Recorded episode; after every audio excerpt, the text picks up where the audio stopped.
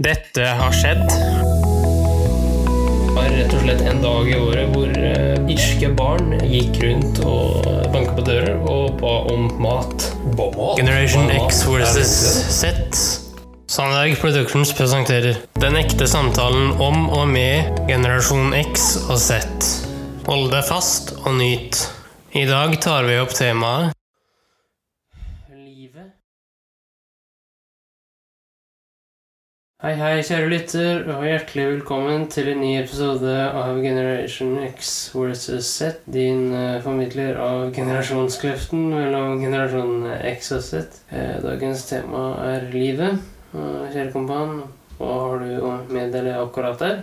Jo, temaet i dag er eh, vel ikke direkte retta mot selve gapet, men eh, noe som eh, gjelder begge generasjoner, og gjerne flere generasjoner også. Ja, alle generasjoner, egentlig. Ja, vel, kan du vel si. Og da har vi igjen tatt eh, kontakt med vår svenske venn, eh, som for trofaste lyttere vil være en kjent stemme, men som for nye lyttere ikke vil være det. Så har du noe å tilføye, kompan? Personen er en eh, veldig reflektert og veldig klok mann. Ja, eh, han er vel en av de eldre mennene som ikke lar seg råtne. Ja, det kan man eh, trygt si. Pluss det faktum at han eh, fremdeles er eh, lidenskapelig opptatt av det han driver med. Så ja, Ja, skal vi bare kline til, Henrik? det gjør vi. Fortalt, hvem er du? Ja, jag heter eh, Olle Hallgren. Jag är invandrare till Norge. Och eh, för att jag gifte mig med en norska för sju, åtta år sedan. Och så är jag ganska gammal så jag har eh, barn och bonusbarn och barnbarn och, och ganska mycket erfarenhet av att träffa folk i coaching. Så var det det med coaching, Olle? Kan du förklara lytterne litt det är för något? I korta drag? Ja, jag tror man kan säga att det är egentligen att bidra till att någon hittar sina förmågor, sin potential och hittar sin, ja, beroende på vad det är man coachar då. Eh, det kan handla om ledarskap, att bli bättre som ledare. Det kan handla om att man har en, en viss problematik som man vill bli av med. Men, men i alla sammanhang så handlar det om någon typ av självledelse.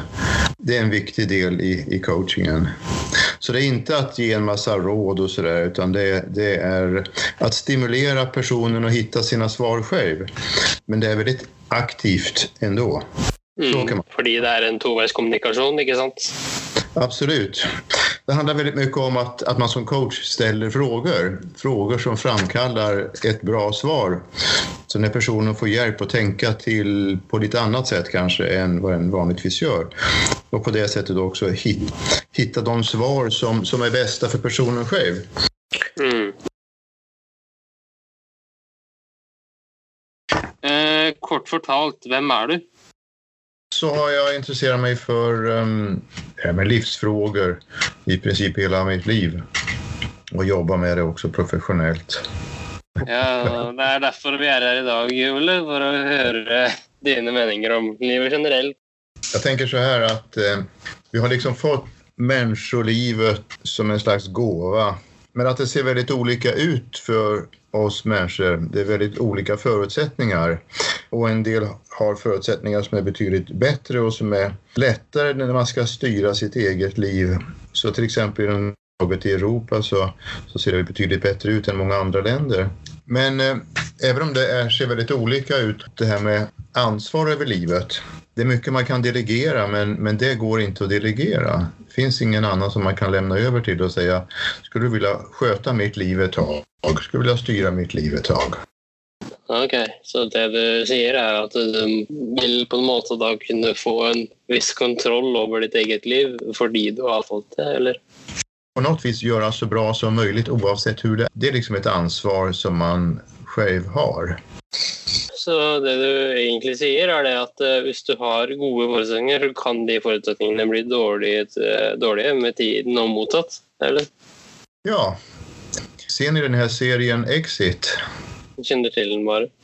Ja, ja den, är ju, den är ju extrem på sitt sätt men, men man kan säga att det, det handlar ju om personer som, hur det såg ut i deras begynnelse vet jag inte men de har försett sig med väldigt goda förutsättningar.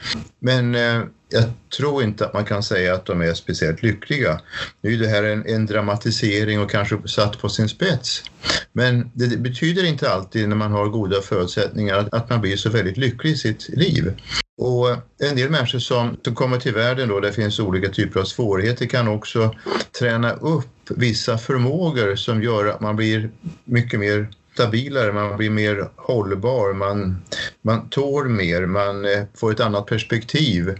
Och de människorna kan ha med sig någonting annat än den som har vuxit upp i ett sammanhang och nu pratar jag inte om exit längre där, men ett sammanhang där det är väldigt goda förutsättningar i eh, ja, ekonomiskt, materiellt, kan helt enkelt missa en del av det som man tar upp i livet när man har svårigheter. Så så kan det också vara. Ok, Så du mener at for å få bedre forutsetninger, så må du ha visse forutsetninger som er dårlige, og en vitenhet om hva du selv gjør? Er det det du mener? Ja, jag tror att generellt så delar av våra egenskaper och färdigheter är ju liksom som en, som en muskel som behöver träna. Mm, det var en spännande vinkling på det. Olle, vi har tidigare intervjuat dig om det med balans i livet. Ja. Og spørsmålet er om vi mennesker er skapt til å jobbe, og ikke bare ha et slaraffenliv. Ett vad då sa du? Ett, et slaraffenliv. Vad är det? Alltså, är det ett... Liv som man bara later seg på en måte. Veldig... Og alt kommer til en uten at man må kjempe på noe som helst måte. Du snakket om det med Exit-filmen X har det veldig bra økonomisk. Det er ikke sikkert de er så veldig lykkelige eller mer lykkelige enn andre. Men spørsmål, hvorfor er de ikke det? Er det sånn at vi mennesker trenger noe å jobbe for, og kanskje ha noe større enn seg selv å tro på? Eh, vi var också inne på tidigare det här med om, om allting börjar kretsa bara runt mig själv. Alltså man blir upptagen av sitt eget ego och, sitt, och allt som hör till.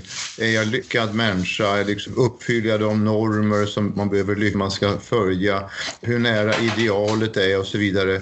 Så så blir man väldigt upptagen av sina egna ambitioner och sitt eget tänkande. Då blir man också väldigt sårbar. Och man, men det är inte så säkert att man blir speciellt lycklig av det. För det är så sårbart. För ganska snart är det någon som lyckas mer än jag. Man liksom blir helt plötsligt en loser då. Helt plötsligt så är det någon som kommer med snyggare kläder än jag. En, någon som har fått ännu mer likes på, på Facebook eller Instagram eller var man är någonstans. Så det här jämförandet och som är så egocentrerat tror jag är ett stort problem för oss. Du säger ju egentligen bara att det med dopamintillförsel kan hjälpa på att få sitt eget ego opp, noe som inte är så veldig positivt. Men hur ser du det? Ja, jag tror att om, om man lyckas gå utanför sitt eget ego, det, det är klart alla gör det ju av och till. Om man kan dela saker med andra, om man kan vara i ett större sammanhang, om man kan tillsammans jobba för någonting som man tror på så, så kommer det andra typer av känslor till och man blir dessutom inte lika sårbar. Till exempel på många artister genom åren som har lyckats helt fantastiskt men deras slut har blivit många gånger bedrövligt. Och de har behövt den här ständiga bekräftelsen från publiken och när den uteblir eller när man inte håller längre måttet så har det gått illa för många. Mm. Eh, så det gäller liksom att bygga någonting mer än runt sitt eget ego. Men samtidigt inte eh, att bygga det för mycket upp så alltså, att det bara dreier sig om eh, en själv och kanske det är kanske något där? Eller? Ja, jag tänker det här med sense of coherence, känsla av sammanhang, att tillhöra något, att vara en del av något, det är ju en av våra absolut starkaste drivkrafter. När jag då bara tillhör mig själv, eller min absolut innersta krets, så blir det väldigt sårbart och det kan till, till slut bli väldigt fattigt. Och istället så skulle jag önska liksom att vi i vårt samhälle, i vårt, eh, på många sätt rika samhälle som ger oss sådana möjligheter. Att vi återknyter kontakten till exempel mer med naturen. Att mer förstå att vi ingår i ett enda stort system som vi tyvärr håller på att utnyttja och som heter då naturen. Men att vi faktiskt är del av någonting mycket, definitivt mycket större än mitt eget tänkande och mina egna åsikter om mig själv och andra. För det tror jag det finns hur mycket energi som helst att hämta. Men vi lever så långt bort från våra naturliga sammanhang och så skapar ja. vi då vår egen värld. Men den blir inte speciellt hållbar i något avseende till slut. Mm. Och då finns också en risk att vi lever längre och längre bort ifrån det vi kan kalla för, för livet. Och och sträva mer och mer att leva utifrån någon typ av ideal som är just nu. Ja, Så du tänker Ola, att vi lever mer mot eh, idealen än själva livet själv? Ja, tyvärr så står de nog många gånger i kontrast till varandra de här. Mm. Och det är fascinerande det med med begreppet lyckad, om man är lyckad eller inte. Tänker man liksom, när är man lyckad som schackspelare, när är man lyckad i, eh, i organisationen, när är man lyckad som fotbollsspelare, när är man lyckad och så vidare. Så finns det hela tiden olika normer. När är man lyckad mm. som konstnär? Ja, det finns hela tiden en hierarki i det. Eh, och ibland kan det se väldigt olika ut. Men det är det, liksom, när blir jag lyckad? Føler du deg lykket, eh, Henrik? Um, altså, ja, sånn situasjonen min er nå, så kan jeg ikke ha noe bedre situasjon enn den situasjonen jeg har. Men uh, jeg kan alltid håpe på det, det kan jeg. Ja. Mm. Jo, att ha en strävan, men att den strävan kommer längre inifrån än att den strävad att man ska passa in i normer och där ska man bli, nå toppen så småningom mer eller mindre. Och det kan, kan vara vilka knäppheter som helst egentligen när man börjar fundera på. Och så går vi omkring och sen ska vi visa det hur lyckade vi är. Mm. Och där tyvärr de sociala medierna har lyft fram det i väldigt hög grad och som gör att många känner sig ännu mindre lyckade genom att andra är så fruktansvärt lyckade hela tiden. Mm. Men uh, vill du då kalla det de följer på misunnelse eller jalusi, det är så? Ja, det kan man väl säga. Det är en slags jalusi. Men då tror jag att det är lite viktigt att ställa sig frågan, på svenska säger man avundsjuk, vad är jag avundsjuk på? Mm. och vad är det, återigen, vad är det jag har gått på? Vad är det för ideal? Jag tror att det är oerhört viktigt gång på gång det där med ett eget reflekterande över sina, sitt eget tänkande. Liksom, vad är det jag har gått på nu då? Mm. Här möter vi ju en annan väldigt stark drivkraft och det är ju motsatsen till det här med att höra till, det är ju att, att vara utanför. Och den är ju fruktansvärt stark så att vi gör ju nästan vad som helst för att höra till. Henrik, du hade något spörsmål till Olle. Vad är meningen med livet? Ja, eller vad är livet? Ja, inga lätta frågor du ställer Henrik. Nej, jag har flera. Så ja, det är bra. Det är bra. Ja, han var god på det.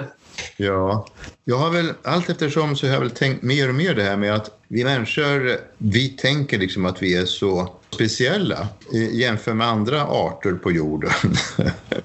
Men vi är ju lika mycket en produkt av naturen som hunden eller gräshoppan eller vad som helst. Och vi har fått en form att vara i och det kan man kalla för livet då.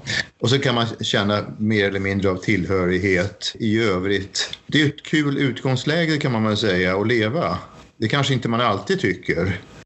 Mening med livet, ja, jag har ju möjlighet att göra något som ger mig mening, som är meningsfullt. Men sen är det det här med, med meningsfullhet i vardagen. Liksom, vad är det som gör liksom, att jag har lust att gå upp på morgonen? Vad är det som ger mig drivkraft? Och det, det ser minst sagt väldigt olika ut för olika människor. Vad syns du om så, Henrik? Du är ganska tyst var... för att vara dig. ja, nej, det var ju för det jag liksom ville höra vad han hade att säga. Men ja. ja, det var ju väldigt fina svar. Men ja. Jag syns det är kloka svar. Det. Ja. Men sånn mellan dig och mig, Henrik, han, han, han är svensk alltså. Har du lagt till det? Jag vill bara säga att fortfarande så jag hör, jag hör vad du säger Per. Nej, det var... Eh, eh, sa du Henrik? Sa ingenting, jag sa det. Jo då, nej men eh, det kan jag inte hjälpa att jag är svensk. Jag har liksom gjort ett försök nu att konvertera och bli norsk men, jag har bibehållit svenska medborgarskapet för säkerhets skull om jag skulle ångra mig. Okej. Eh, Ja. Spørsmålet til da, hvorfor lever man? Ja, som svar kan man ju säga för att vi ingår i ett slags kretslopp eh, och då föds människor precis på samma sätt som, som katter och hundar och, och eh, ormar och, och till och med mördarsniglar. Oi da. Det var, det var trist. Eh, Så jag tror att vi ska nog försöka vara lite mer ödmjuka. Och med den ödmjukheten tror jag också att vi kommer närmare den natur som vi faktiskt kommer ifrån. Det var en interessant eh, vinkling, det. Hva skjer når og etter man dør? Ja, ja det, känns som du har hittat de svåraste frågorna. Eh, ja, det är lite för tidigt för mig att svara på den frågan än. Jag har liksom inte varit där. Men det, det som jag blir mer och mer fascinerad över är att vi vet så lite om döden. Och jag tror man kan säga att den är väldigt vanligt förekommande. Eh, och, och ändå vet vi så lite. Jag kan sitta här och få en, en stor infarkt och med det så är jag borta på någon minut. Så, så är jag död. Alltså det som vi då mellan liv och död som kan skifta så fort. Så, så kan det selvfølgelig sovne inn. og Det, det vil egentlig bare si at man sitter eksempel, og gjør ting, og så bare Oi, så var det død, liksom. Ja, jag har hört begreppet på sömn att man kallar det för lilla döden. Och, eh, man, man har ju sina drömsekvenser men när man inte har drömsekvenserna utan när man är i djupsömn då har man ju inga drömmar. Så då har man liksom, då har man ingen upplevelse av någonting. Ja, kan det vara så att vara död? Det känns ju inte så obehagligt. Nei, eh, og det du sier her da, er at det, når du da sover, men eh, ikke drømmer, så da er du på et sett død i gåseøynene, men eh, Ja, men fortsätter att leva. Jag är ju intresserad av meditation och mediterar ofta. Eh, och i meditationen kan man också komma i det tillståndet eh, där man har inga tankar. Liksom det är här helt fritt. Det är inte så ofta, för det för det mesta så har man tankar och det är liksom en del av meditationen också. Men, men ibland då så är man liksom helt frånkopplad. Eh, och jag tror att det finns tillstånd här att forska vidare på mellan att leva och att vara död. det finnes jo patologer som forsker på det med død og driver med ting da, også. Ja, jag har ju under åren funderat förstås mycket på den där frågan. Och, men, men det som jag tänker just nu det är liksom att, eh, att kroppen dör, det är rätt uppenbart. Och det, det ser man ju väldigt fort när man sitter med en döende person. När den personen slutar andas, då ser man liksom väldigt fort hur allt bara blir jättestilla i hela kroppen. Men det som ju inte dör, det är liksom energin förgås ju inte utan den, den omvandlas till någonting annat. Det är ju väldigt mycket av en cirkulär ekonomi kan man väl säga när det gäller återbyggnaden av om molekylerna liksom, de tar ju någon annan väg. Så det finns ju delar som inte dör. Om de bär på någon form av medvetenhet eller inte, det, det vet jag inte. Nei, hva vil du si ikke dør, hvis noe ikke dør hos Ja. mennesker? Ja, det som jag kanske inte tror så mycket på, eller man kan säga som jag tror mindre nu kanske än tidigare, om det finns någonting som överlever så tror jag inte att det är lika personligt som vi kanske har en fara. Vi är ju så rädda för att släppa vårt ego. Och att döden då är ju förstås något som verkligen hotar egot, så vi är ju verkligen dödsrädda. Vi är tillbaka till den här egocentreringen. Och jag tror att ju mindre egocentrerade vi är, ju mer vi kan gå in i, i, i större sammanhang, ju mindre rädda blir vi för att dö. Systemet, naturen, är oerhört duktig på, och, på cirkulär ekonomi eh, och ta vara på allting. Det är så också med kroppen. Varje, framförallt på natten, så flyttar den om en väldig massa celler.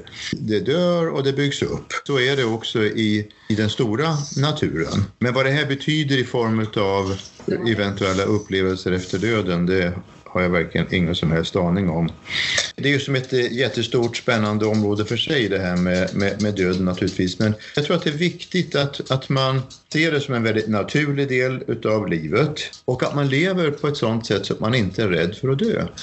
Mm. Och när man, när man har den här typen av rädsla då vill man ju också, då strävar man ju liksom att vara evigt ung och går inte heller åldrandet emot på ett bra sätt. Och det är ju, ja, vi har ett väldigt märkligt samhälle i många avseenden kan jag tycka. Och den drivs väldigt mycket av fåfänga och rädsla och det tycker jag inte är några bra drivkrafter.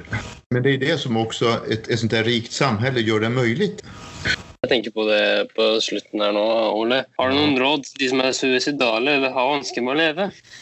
Um, jag tror att dels är det nog bra att förstå att eh, alla människor har av och till tankar, kanske inte direkt på att ta livet av sig, men att tycka att livet är ganska meningslöst. Har väl någon, någon sån period i sitt liv att av och till dyker det upp. Och en hel del människor funderar också på liksom att ja, men det kanske är lika bra att avsluta.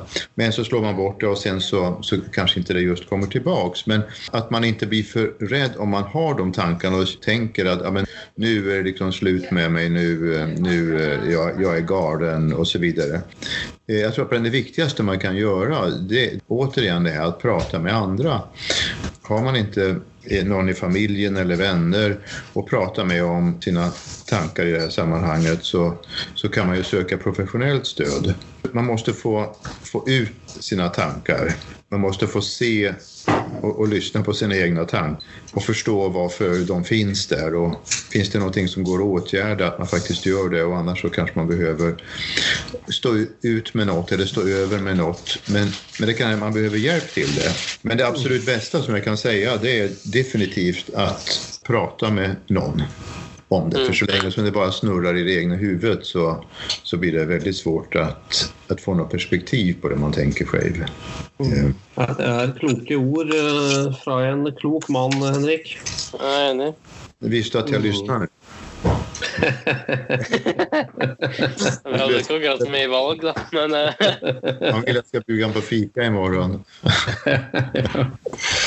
Eh, Henrik og jeg vi pleier ikke å være så stille og rolig når vi intervjuer folk. Men du setter oss litt i litt sjakkmatt, Ole. Vi ja, setter oss litt i lås, vil jeg vel si. da. Ja. Vi, vi takker så mye for at du önskat att bli intervjuad. Ja. när man har narcissistisk prägel så vill man ju gärna bli intervjuad. ja. ja. Men ska vi si tack för nu, Henrik, eller? Ja, jo, du får ha tack för att du mätte då, Olle. Ja, och tack själva. Och kul att ni fortsätter med de här poddarna. Good luck. Okej, okay. hej hej. Ja, käre Henrik. Vad tänker eh, du om livet nu? Eh, livet nu är ju för mig eh, pitte lite klarare, men jag blir aldrig 100% klok på det. Nej, det tror jag nästan ingen blir, Henrik. Spørsmålet är om man kan göra det bästa ut av det man har fått och har. Ja, och det är det han säger här också, att man ska göra. Jag skjønner det, og jeg respekterer det, og jeg prøver det selv. Ja. Men eh, det er ikke alltid man uh, får det til. Og Nei da. Jeg vil bare si det, da, at hvis du har vansker med å f.eks. leveres, så fins det folk der ute du kan uh, snakke med som kan dette her med å håndtere selvmordstanker, f.eks. Nødstilfeller. Men også det å finne seg selv i livet. Ja, og det var jo noe av det jeg gjorde når jeg begynte på videregående skole. Det var på en måte finne meg selv og finne ut hvordan jeg best kunne takle samfunnets utfordringer, og motsatt. Ja. Hva tenker du på da, kjære sønn? Ja, jeg tenker jo på eh, hvordan jeg Hvor jeg står i samfunnet. da. Mm som menneske, og hvordan samfunnet ser på meg tilbake igjen. Mm. Jeg tror Henrik, at uh, livet byr på opp- og uh, nedturer. Samtidig så kompliseres det hele ved at vi til enhver tid blir eldre. Det vil si, livet for en selv blir også justert og endret. Og det er den endringsfasen som man i tillegg skal kunne takle opp i alt dette. Skal vi runde av nå, Henrik? Ja, det kan vi fint gjøre. Og så høres vi snart igjen. Ja. Og som alltid, kjære sønn, alltids en fornøyelse å både være sammen med deg og ha episodene med deg. Og takk det samme. Hjertelig tusen takk. Ha det godt. Ha det godt. Tusen takk for at du fulgte oss. Gi gjerne tilbakemelding, likes eller kommentar på Facebook-siden vår Generation X versus Z. Velkommen igjen til neste podkastepisode. Hei då!